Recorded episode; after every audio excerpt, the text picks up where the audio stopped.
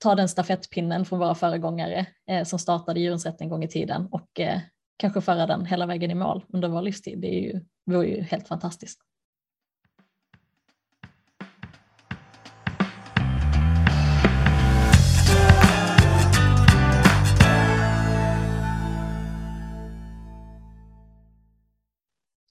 Du lyssnar på Djurens Rätts podcast på Djurens Sida. Jag som programledare detta avsnitt heter Linn Åkesson och idag ska jag få summera 2021 tillsammans med Djurens Rätts riksordförande Camilla Bergvall och Djurens Rätts generalsekreterare Benny Andersson. Och ja, men värt att nämna att vi alla tre sitter på olika håll idag. Men, ja, men hej på er och eh, god fortsättning.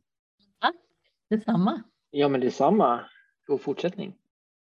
Men hur har julledigheten varit? Har ni fått i er tillräckligt med julmat? Men absolut, det har varit superhärligt.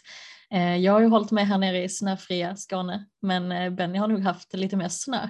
Ja, ja men det har det varit. Kan, jo, det, Göteborg hade ju otroligt mycket snö för att vara Göteborg eh, inför julen. Sen var det lite mindre när det väl, eh, när väl tomten dök upp. Så. Men, eh, men julmat har det däremot inte varit brist på. Det, det, kan, det kan kylskåpet intyga. Ja, men bra, men då är batterierna laddade då för ett nytt år. 100 procent. Ja, absolut. Vi är på grönt. Ja, men bra. Och ja, men nu är vi inne då på ett nytt fräscht år där 2022 ännu är ett oskrivet blad. Men innan vi blickar framåt då så ska vi summera det här året som vi precis har lämnat bakom oss. Eh, och utan att gå in på för mycket detalj, vill ni först säga några ord om vad ni tar med er från året som har passerat? Men det har väl varit ett av de eh, mest framgångsrika åren för djuren på väldigt länge skulle jag säga. Eh, det känns ju helt fantastiskt. Eh, vad säger du Benny? Håller du med? Nej, men det, det, var, det var ett fantastiskt bra år. Det, det var många saker som föll på plats på något sätt som vi har, som vi har jobbat med länge som vi fick se utdelning för under 2021. Det, det är väl det som känns ja, som man tar med sig från året. Så. Ja, men många frågor som vi liksom har jobbat med att försöka få allmänheten och politiker och andra makthavare med på väldigt länge som vi nu kan prata om hur vi ska gå tillväga för att liksom ersätta djurförsök eller eh, andra eh, hemska verksamheter. Eh, och nu kan vi prata om hur vi ska ersätta dem istället för om vi ska ersätta dem. Och det tycker jag har varit präglat hela året på ett fantastiskt sätt faktiskt. Mm. Ja, men precis. Det, det är inte så här om, om, om vi ska avskaffa burar i, i djurfabrikerna, utan nu är det mer hur och när. Så det, det känns ju fantastiskt att få, få vara med om det. det. För det här är ju någonting som eh, har pratats om så otroligt länge. Eh, sen finns det ju väldigt mycket kvar att göra. Året har ju, det har inte bara varit fram, framgångar varje vecka, men, men om vi jämför med, med, med tidigare år så är 2021 eh, ett minnesvärt år. Ja, men eh, det, det händer ju otroligt mycket under 2021 och, eh, och därför är det ju svårt att bara välja ut några delar att prata kring. Men jag har då idag valt att ta ut några händelser från året som präglade djurrättsåret 2021 i, i mycket. Vill du som lyssnar höra fler godbitar från året som passerat så råder jag er att gå tillbaka till avsnitt 9, 16 och 19 där vi summerar de bästa händelserna för djuren kvartalsvis under 2021.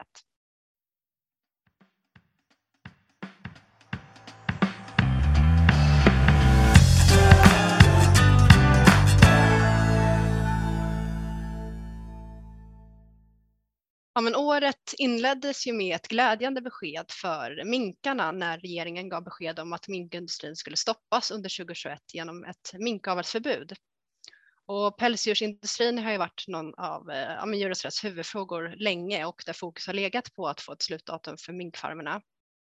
Och Camilla, jag och många som känner dig vet att minkarna ligger dig extra varmt om hjärtat. Eh, hur skulle du säga att detta besked präglade din och Djurens Rätts, eh, Djurens Rätts start på 2021? Det var ju en kickstart verkligen för, för energin och det äntligen börjar hända någonting i, i den frågan som har eh, varit seg väldigt länge och att vi nu eh, kunde se åtminstone då det här tillfälliga avelsförbudet eh, med stor framgång. Det är ju över en halv miljon minkar som eh, besparade sina liv under 2021 eh, under det avelsförbudet så det är ju fantastiskt på alla sätt. Sen hade man kanske hoppats på lite mer då eh, i slutet av året. Eh, så att det hade kunnat bli en ett permanent förbud och en eh, framgång så att vi kunde skriva in eh, minkfarmerna i historieböckerna en gång för alla. Det hade ju varit en, ett härligt avslut på året men riktigt så eh, blev det ju tyvärr inte. Nej, det, det, det är väl det som kanske så markerar att vi är inte färdiga. Ehm, det är kanske lätt att känna när, när det rullar på att det liksom finns någon så här naturlag att det kommer gå, ehm, att det hela tiden kommer bli bättre. Men här hade vi ju ett, ett bra beslut som sen ehm, ja, ändrades. Och det är någonting, det är väl också en sån läxa att hela tiden ha med att eh, det finns inga, det är inte självklart att, att eh, positiva reformer eller positiva saker för djuren, att de är permanenta. Det gäller verkligen så här att ligga i eh, och inte ge upp där. Mm. Ja, och vi har ju kommunicerat mycket om minkarna under året som har gått och i somras gick bland annat Djurens Rätt ut i ett gemensamt upprop där vi uppmanade Sveriges regering att sätta ett slutdatum för minkfarmerna. Och eh, ja, men, eh, en, åter en fråga till dig då Camilla, så här, i din egenskap av riksordförande, har du en uppfattning om att det här är en fråga som även engagerar ja, men, djurrättsmedlemmar? Ja men verkligen, det gör det ju. Det är ju en av våra eh, huvudfrågor och eh, någonting som, men jag tror också att många börjar bli trötta på att jobba med just den här frågan. Eh, för det är så här, kom igen nu Sverige. Eh, det börjar bli lite skämskudde och folk börjar tycka att det är lite pinsamt att Sverige fortfarande har minkfarmar kvar när land efter land i Europa avvecklar. Eh, vi kanske blir sista landet kvar. Eh, det vore ju ja, pinsamt minst sagt. Ehm, men engagemanget är ju jättestort hos allmänheten i Sverige men också hos folk i europeiska länder och andra länder i världen. Det är ju egentligen ingen, eller en väldigt liten grupp som vill se eh, att finnas kvar. Ehm, så det är tråkigt att inte de svenska politikerna eh, hänger på folkets eh, vilja i frågan. Ehm, för den har ju varit en stark opinion väldigt länge från våra medlemmar och från svenska folket i allmänhet. Jag skriver under på det som Camilla säger här. Det, det är verkligen, eh, jag kan säga som året, året avslutas ju också med att Italien, som var i samma läge som Sverige, ett eh, litet antal minkfarmer, ett eh, minkavelsförbud under 2021, eh, corona inne på minkfarmerna precis som Sverige och där fattar politikerna ett helt annat beslut eh, de sista veckorna på, på 2021, nämligen att, att avveckla minkfarmerna permanent. Och att det kommer att ske under nästa år. Så det, eller nästa år, det här året. Nu är vi ju faktiskt i 2022. Men eh, så, så där, där kan vi ju se, så här, där finns ju facit. Eh, om, vi, om Sverige behöver leta efter ett eh, någon annanstans. Ja men verkligen och ja, men lite som ni var inne på innan här också då att ja, men i november så fick vi det här beskedet om att nya minkar då får födas upp 2022 trots rådande pandemi eh, som nu är värre än någonsin. Eh, och efter det här beskedet så lämnade du då Benny in i egenskap av generalsekreterare in ett överklagan till Jordbruksverket. Vad vill vi med den här överklagan? Vi vill ju, vi vill ju först och främst att uh, inga, inga, minkar ska, inga nya minkar ska födas upp på svenska minkfarmer. Det är ju själva grunden i det hela. Um, vi bestrider ju liksom, Jordbruksverkets beslut um, och jag tycker att det utvecklar, vi, vi, bestrider, vi bestrider den utifrån um, att grunden för att tillåta minkfarmning, Eh, minkfarmerna under 2022 eh, var baserat på en bedömning som gjordes av smittläget bland annat eh, under hösten 2021. Men som vi ser så det här ändrar sig ju varje vecka och nu, nu är vi ju, ja, vi, det har ju inte varit värre än vad det är nu. Vi är ju på toppen nu. Och att då i det läget tillåta minkfarmning är ju ansvarslöst. Ehm, när vi för ett år sedan fattade beslut att inte tillåta den.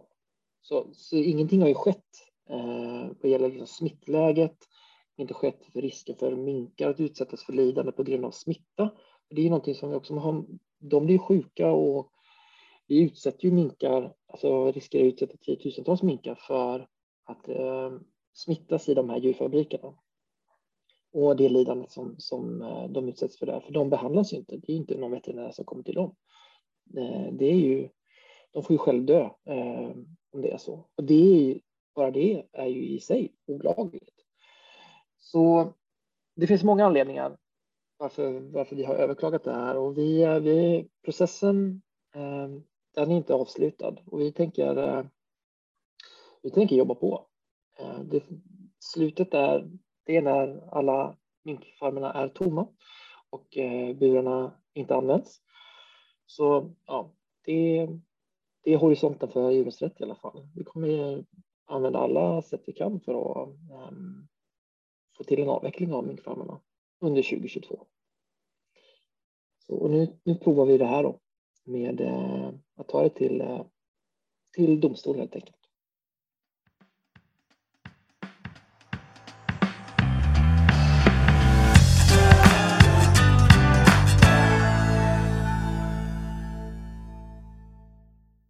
Vi går vidare då från eh, minkarna så en annan nyhet som kom under våren som vi i positiv bemärkelse då som vi äntligen kunde få eh, berätta är att alla livsmedelskedjor nu är buräggsfria.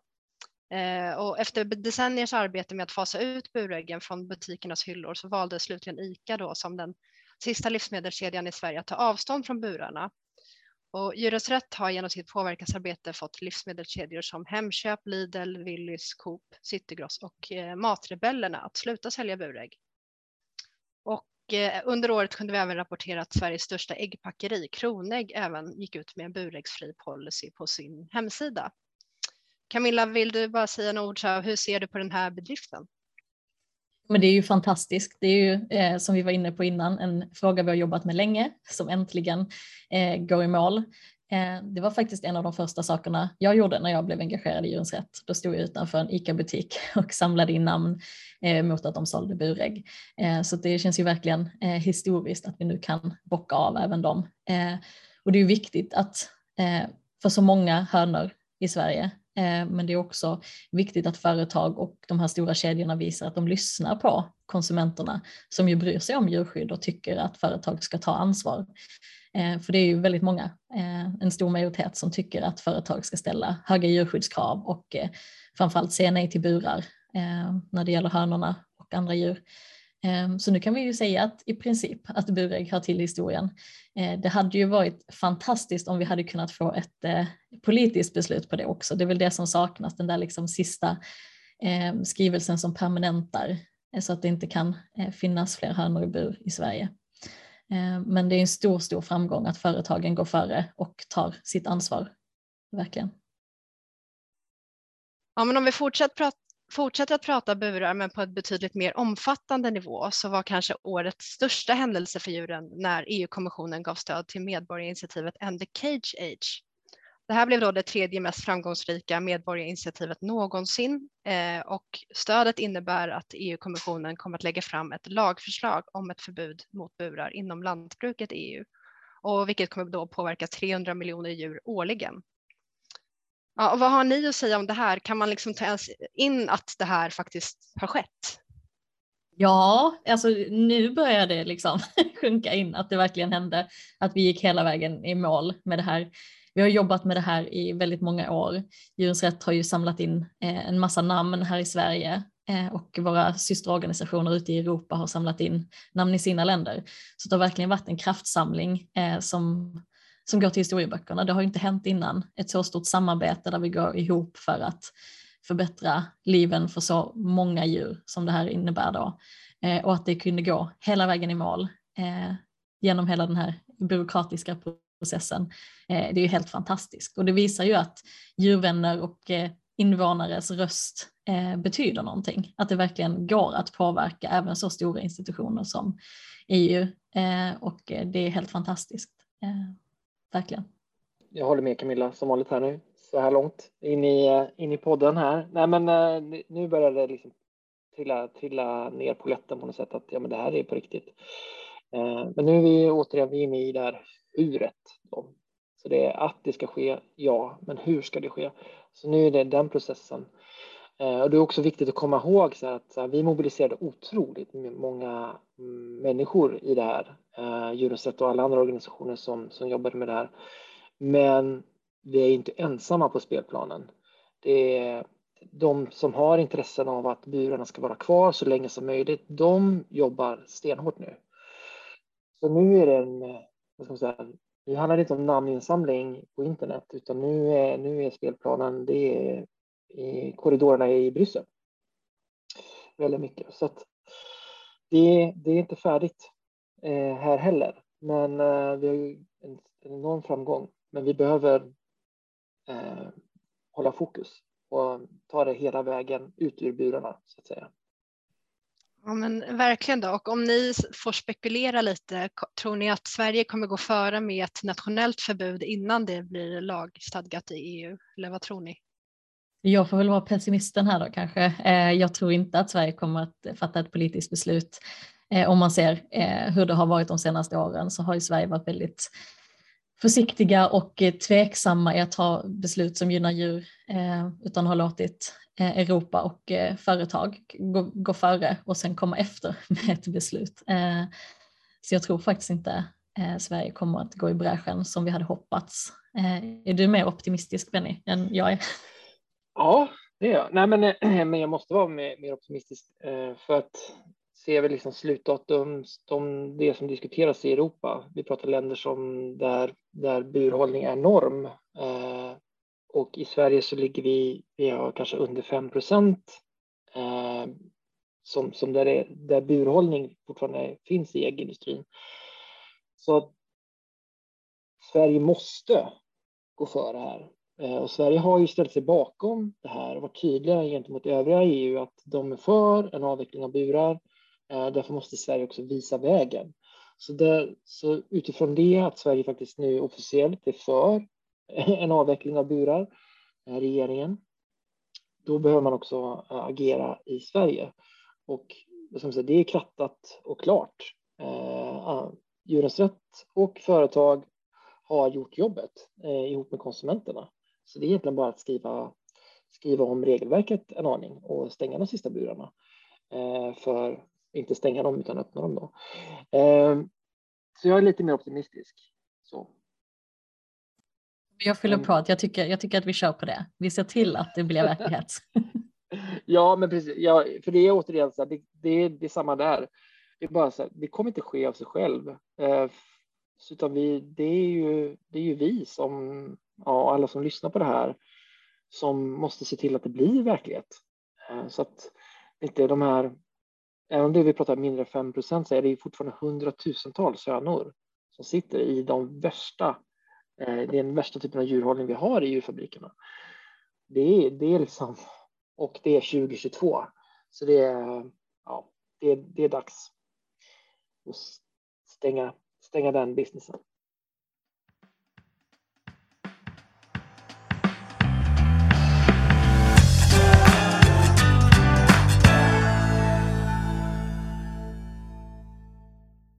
Vi kan inte summera året utan att nämna den resolution som röstades igenom i EU-parlamentet i höstas.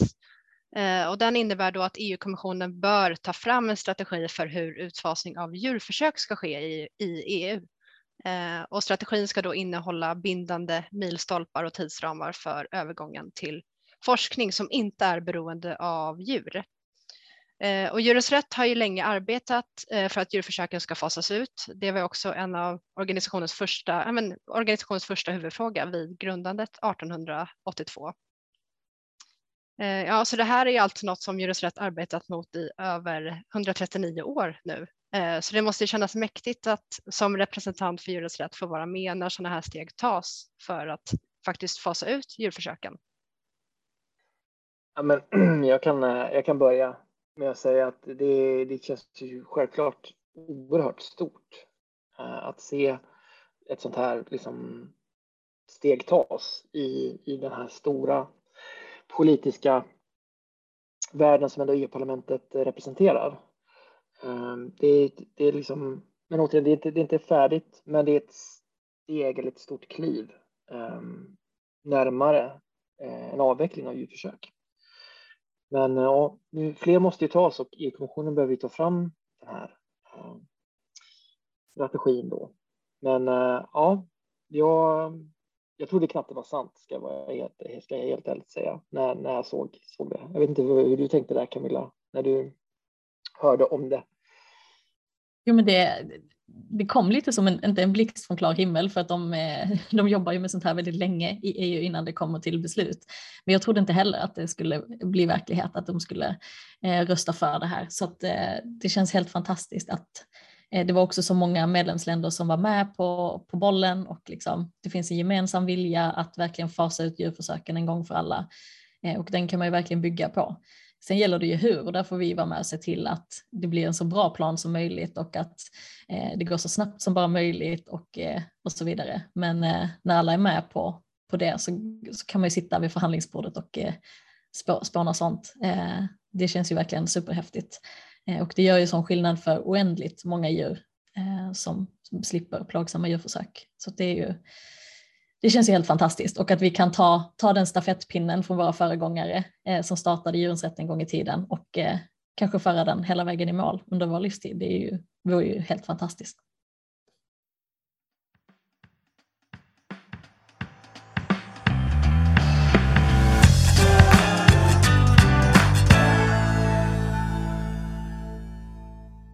Ja, men om vi fortsätter då med den här summeringen av 2021 så under året så har det också rapporterats eh, flertal gånger om att eh, turbokycklingar i svenska djurfabriker har utsatts för extremt lidande innan och eh, vid slakt. Under våren så fick eh, men missförhållandena hos Kronfågel uppmärksamhet i och med Aftonbladets granskning. Eh, och efter de här skandalerna så var det ju glädjande att över 90 kommuner faktiskt stoppade sin upphandling av kyckling från Kronfågel och då bland annat efter kontakt med, med Djurens Rätt. Men eh, om vi tar så här att, att det förekommer missförhållanden i djurfabriker, det är ju det är väl inget nytt. Varför blev det här så, stor, så uppmärksammat tror ni? Men eh, det, det är väl för att en, en, en källa som Aftonbladet som, eh, som gör en granskning och eh, blåser upp det som, med ord som skandal och så vidare som gör att folk eh, måste se det. Det är ju lätt att blunda för sådana här eh, bilder och information annars, men när det kommer verkligen så påtagligt som genom en stor dagstidning, eh, att det liksom, det går inte att blunda för det. Eh, men det jag också tänker har blivit tydligt är att det är mer rutin än slump, alltså att det är inte en slump att det sker några gånger om året, utan det ser ut så här i slakterierna hela tiden. Och det tror jag folk börjar märka nu för att de här skandalrapporterna kommer liksom så ofta Eh, att det liksom inte går att eh, påstå att det skulle vara enstaka tillfällen på grund av så här små brister, utan det är ju ett strukturfel i hela, hela systemet. Att vi föder upp djur på det här sättet i den här takten, det är ju liksom, det kommer aldrig fungera, varken djurskyddsmässigt eller på något, på något annat sätt. Det, det är inte hållbart. Nej, och det eh, jag tänker också är att det är ju till viss del också en effekt av det finns så push-pull-verkan här. Um, återigen, jag, jag ser ju gärna till vår verksamhet från djurens rättssida, men vi har ju pratat om kycklingar och lyft fram just de här missförhållandena och att det är så här verkligheten ser ut. Vi har gjort det konsekvent nu i, vi är inne på femte året. Och det är ju någonting, um, uh, när vi började prata om det här så, ja, kycklingarna var ju inte, det var ju knappt ett djur. Ehm, så kan det nästan liksom tolkas som. Att, och det, jag tror att det är också en del av den här, en allmän förskjutning också, att man börjar se liksom, kycklingar är inte, de är inte brödrostar, liksom. de är levande, kännande, upplevande varelser. Ehm, men de behandlas som om de vore brödrostar i tillverkningen. Så, så, så jag tror att det, det är också en effekt av alla som har varit, alla som har delat information om det här i sociala medier, alla som har pratat om det här med, med sina kompisar på jobbet, i skolan eller så. Det är liksom effekten. Eh, för till slut så kan media inte heller liksom bortse från att så här, men det här är någonting som det finns ett allmänintresse av att eh, prata om också. För det, det får man ha, ha i, klickas det inte så, så skrivs det inte. Så eh, ja, det är också ett tecken på att intresset för de här frågorna har växt de senaste åren. Och det är ju bara bra eh, utifrån kycklingarnas perspektiv att det är så.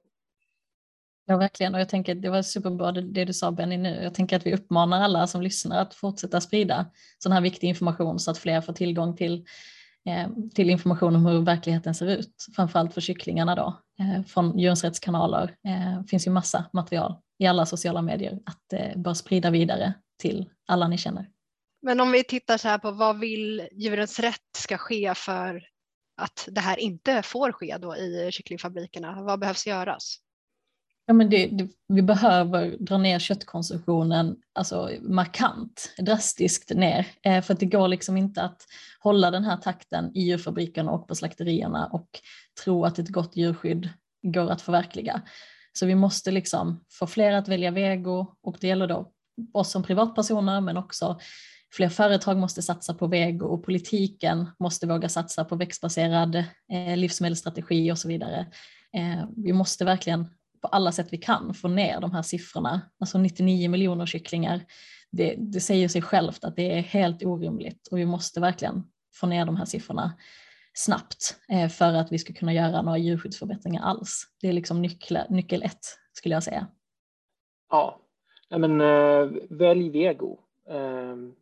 Inte bara på måndagar eller fredagar utan typ så här, men ja, att välja vego istället för kyckling är ju steg ett. Jag håller verkligen med om det. Eh, vi behöver ju halvera köttkonsumtionen de kommande åren. Eh, och det är ju, men det är ju steg ett. Men, men om vi ska komma någonstans närmare det som finns i lagstiftningen och det som människor i allmänhet håller med om så nej men, industrin har inte en plats där den, som den ser ut idag. Eh, och jag tror heller inte att det, det, är, inte, det är inte möjligt att ha den här djurhållningen och förena det med det som människor i allmänhet ser som ett gott djurskydd. Eh, det är bara att tänka bort och tänka nytt helt enkelt. Ja men verkligen och ja, men för djurens rätt så är ju, ja, men vi pratar ju ständigt om turbokycklingarnas situation i djurfabrikerna och det kommer ju alltid vara, eller det är alltid en huvudfråga nu tills Eh, vi får se en, en ändring. Eh, men i november då så fick kycklingarna åter strålkastarna på sig utåt när Världsnaturfonden släppte sin nya köttguide och där svenskt eh, kycklingkött får nu rött ljus. Vad har ni att säga om det här? Kanske det, det rimligaste som hände år 2021. ja, Skulle jag säga. Äntligen. Ja. För det är ju verkligen, alltså det, ja, det går inte att säga att det finns ett gott djurskydd i någon kycklingfabrik. Verkligen inte. Så att, helt rätt att de får rött ljus. Ja, och, och att de får rött ljus för att kyckling, kycklingbranschen har ju spunnit stenhårt på sin vad ska man säga, hållbar, hållbarhetsaspekterna. Att det är, liksom det, det hållbara köttet och det är det miljövänliga alternativet. Och så. Men faktum är ju att det, vi, vi såg siffror här bara nu i veckan att alltså, närmare 40 procent av all soja som kommer från regnskogsmark, den går till kycklingproduktion. Eh, kyckling och, och även äggproduktion. Eh, så, och det är, det är inte så att Sverige, det, Sverige importerar väldigt mycket soja från alla möjliga delar av världen och jättemycket går till de här djurfabrikerna. Så det, det, det är också på tiden att som säga, den greenwashingen som, som uh, kycklingbranschen har sysslat med exponeras.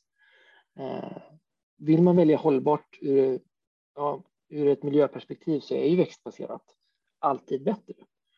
Um, så ja, det, det känns som att det var också ett värdigt avslut på 2021 att, att den eh, ballongen eller bubblan stacks hål på.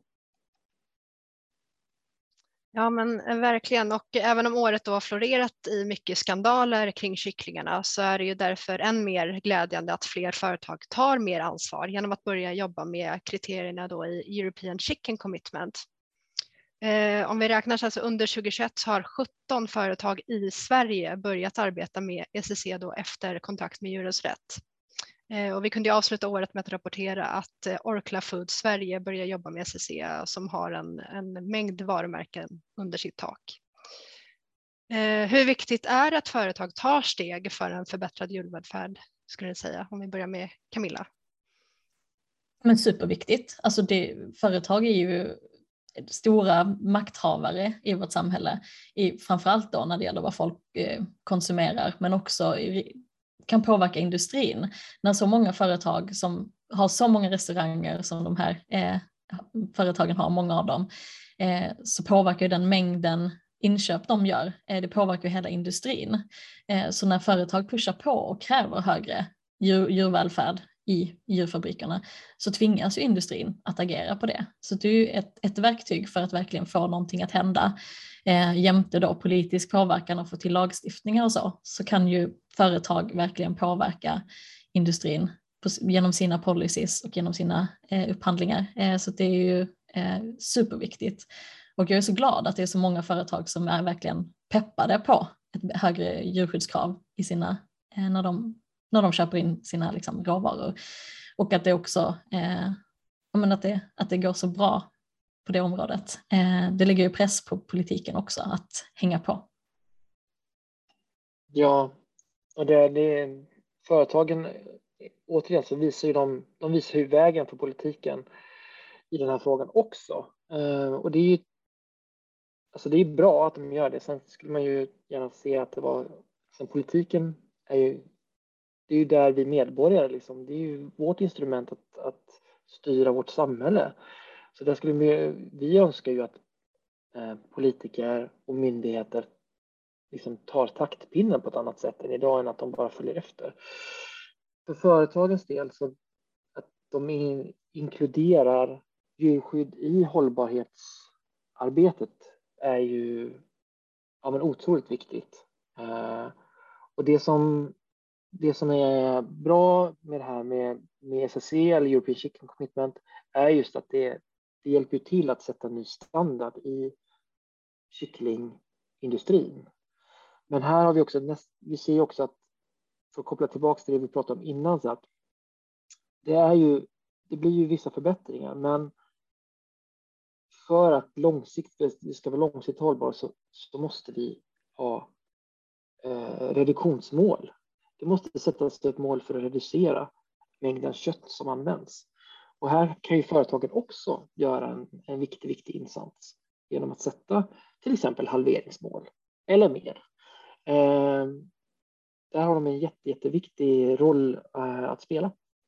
Ja men verkligen då och om vi bara får avsluta då eh, kycklingarna då så eh, vilket företag vill ni eh, ska börja jobba enligt ECC härnäst? Ja, jag tror ni som lyssnar kanske har koll på vilka vi, har högst upp på önskelistan.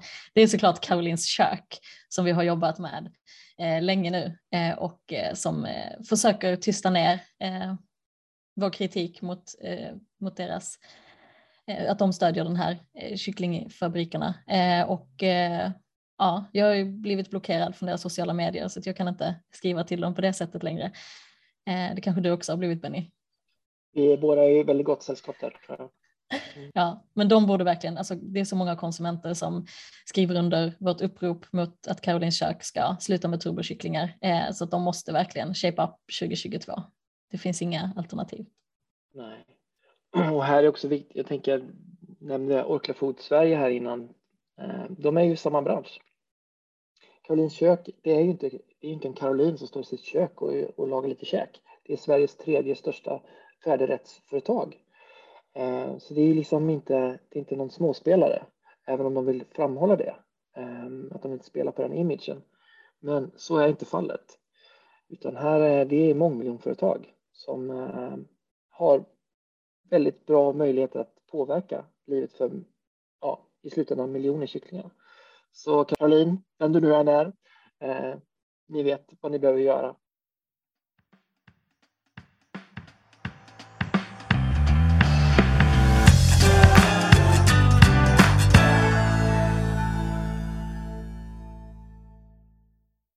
slutligen då så vill jag bara att vi blickar tillbaks till det fantastiska vegoåret som 2021 faktiskt var.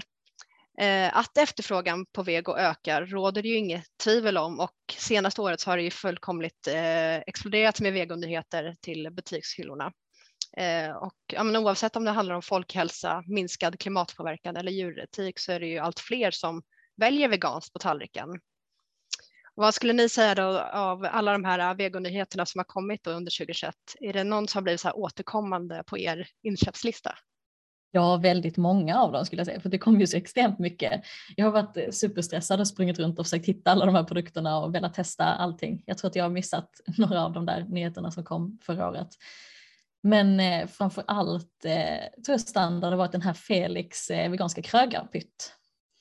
Eh, har eh, legat i min frys kontinuerligt eh, för att det är så himla smidigt när man har fullt upp med annat att bara steka på en, en sån klassiker. Så den har nog varit standard. Och sen så får man ju också säga att ostbågar har man ju ätit några stycken. Eller har du käkat några Benny? Alltså, jag, jag är ju inte ostbågepersonen. Jag har ju aldrig varit det. Så. Men jag har faktiskt förmodligen ätit fler ostbågar det här året än vad jag gjort tidigare innan på den tiden jag inte var vegan. Så ja, det har nog blivit eh, betydligt fler ostbågar i år. jag skulle nog säga att för min del så krögarpytten är ju fantastisk. Eh, så, ja, och det här är inte ett betalt samarbete utan det här är rakt ur hjärtat. Så.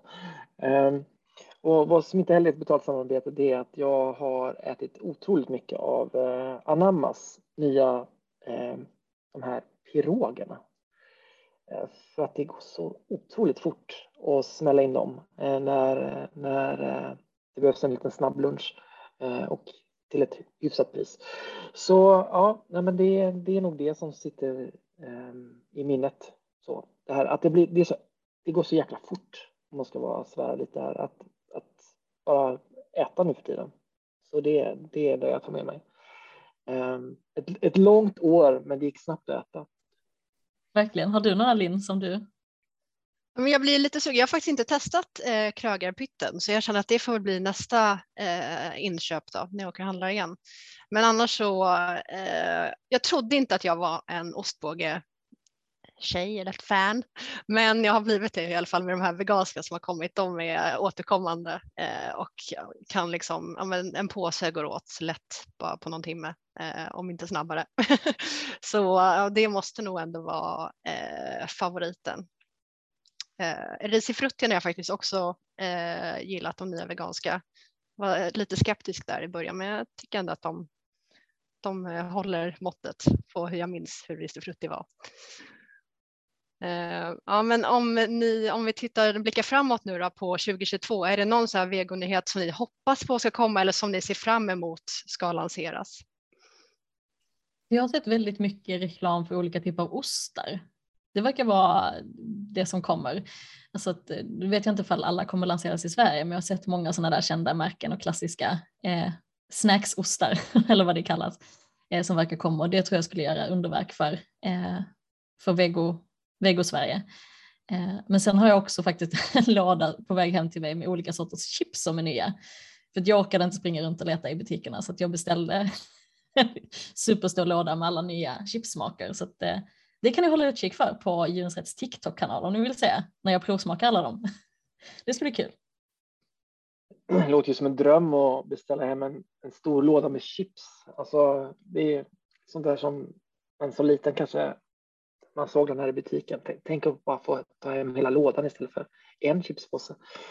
Eh, eh jag, för, för min del så eh, det är inte en maträtt som jag egentligen kanske gillar. Jag har all, aldrig det, och det är ju fisk.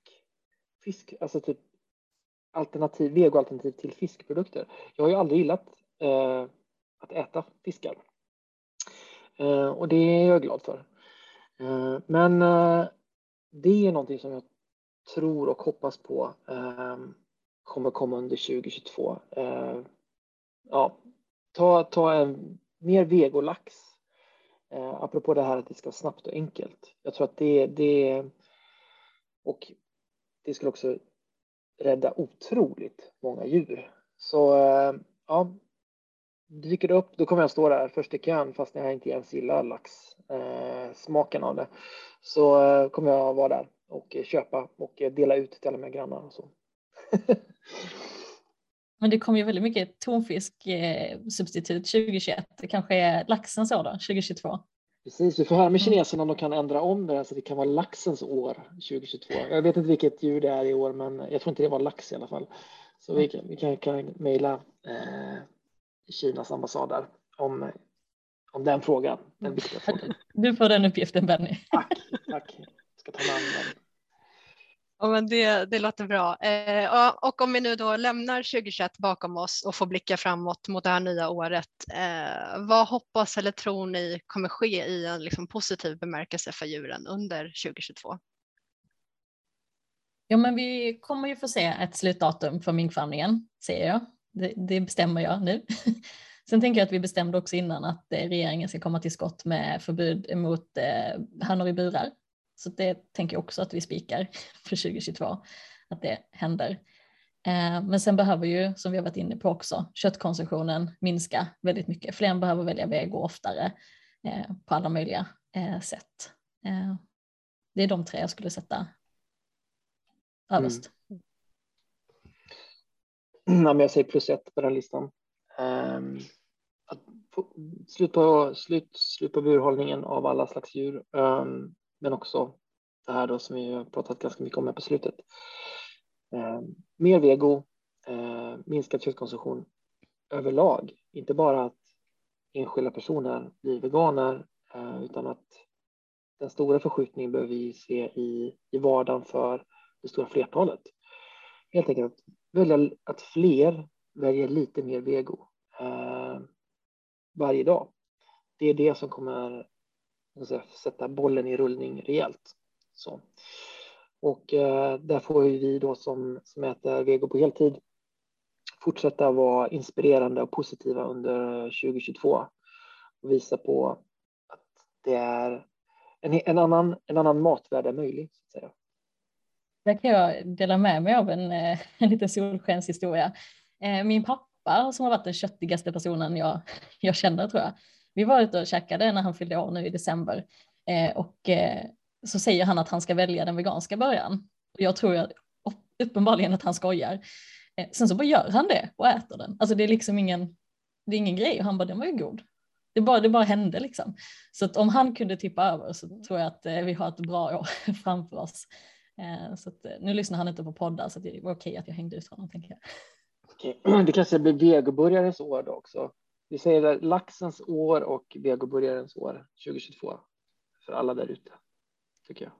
Ja, men det låter ju. Eh, det, det låter ju fantastiskt. Och mm, jag tror att, jag tror att många, många kan nog skriva under på det du säger där Camilla, att man har någon i sin närhet som har så här, vänta nu, den här personen. Eh, köttigaste kusinen man hade liksom. Eh, kommer där med omp till grillningen liksom. Ja, hur gick det här till? Ja, plötsligt hände det.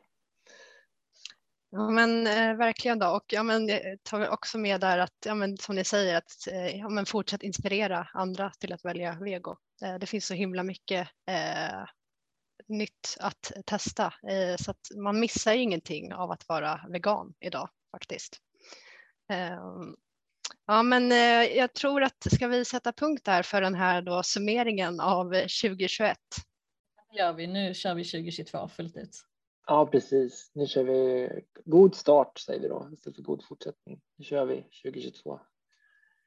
Ja, men det låter bra. Men tack snälla för att ni var med idag eh, och ja, men god start då så hörs vi med sannolikhet längre fram under 2022.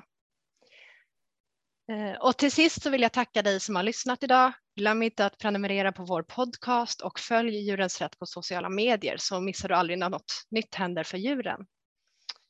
Och vill du också göra din röst hörd, se till att du är med och hjälper oss att göra skillnad för de som är flest och har det sämst. Gå in på djurensrätt.se medlem och bli medlem idag. Stort tack för idag. Ha det bra. Hej!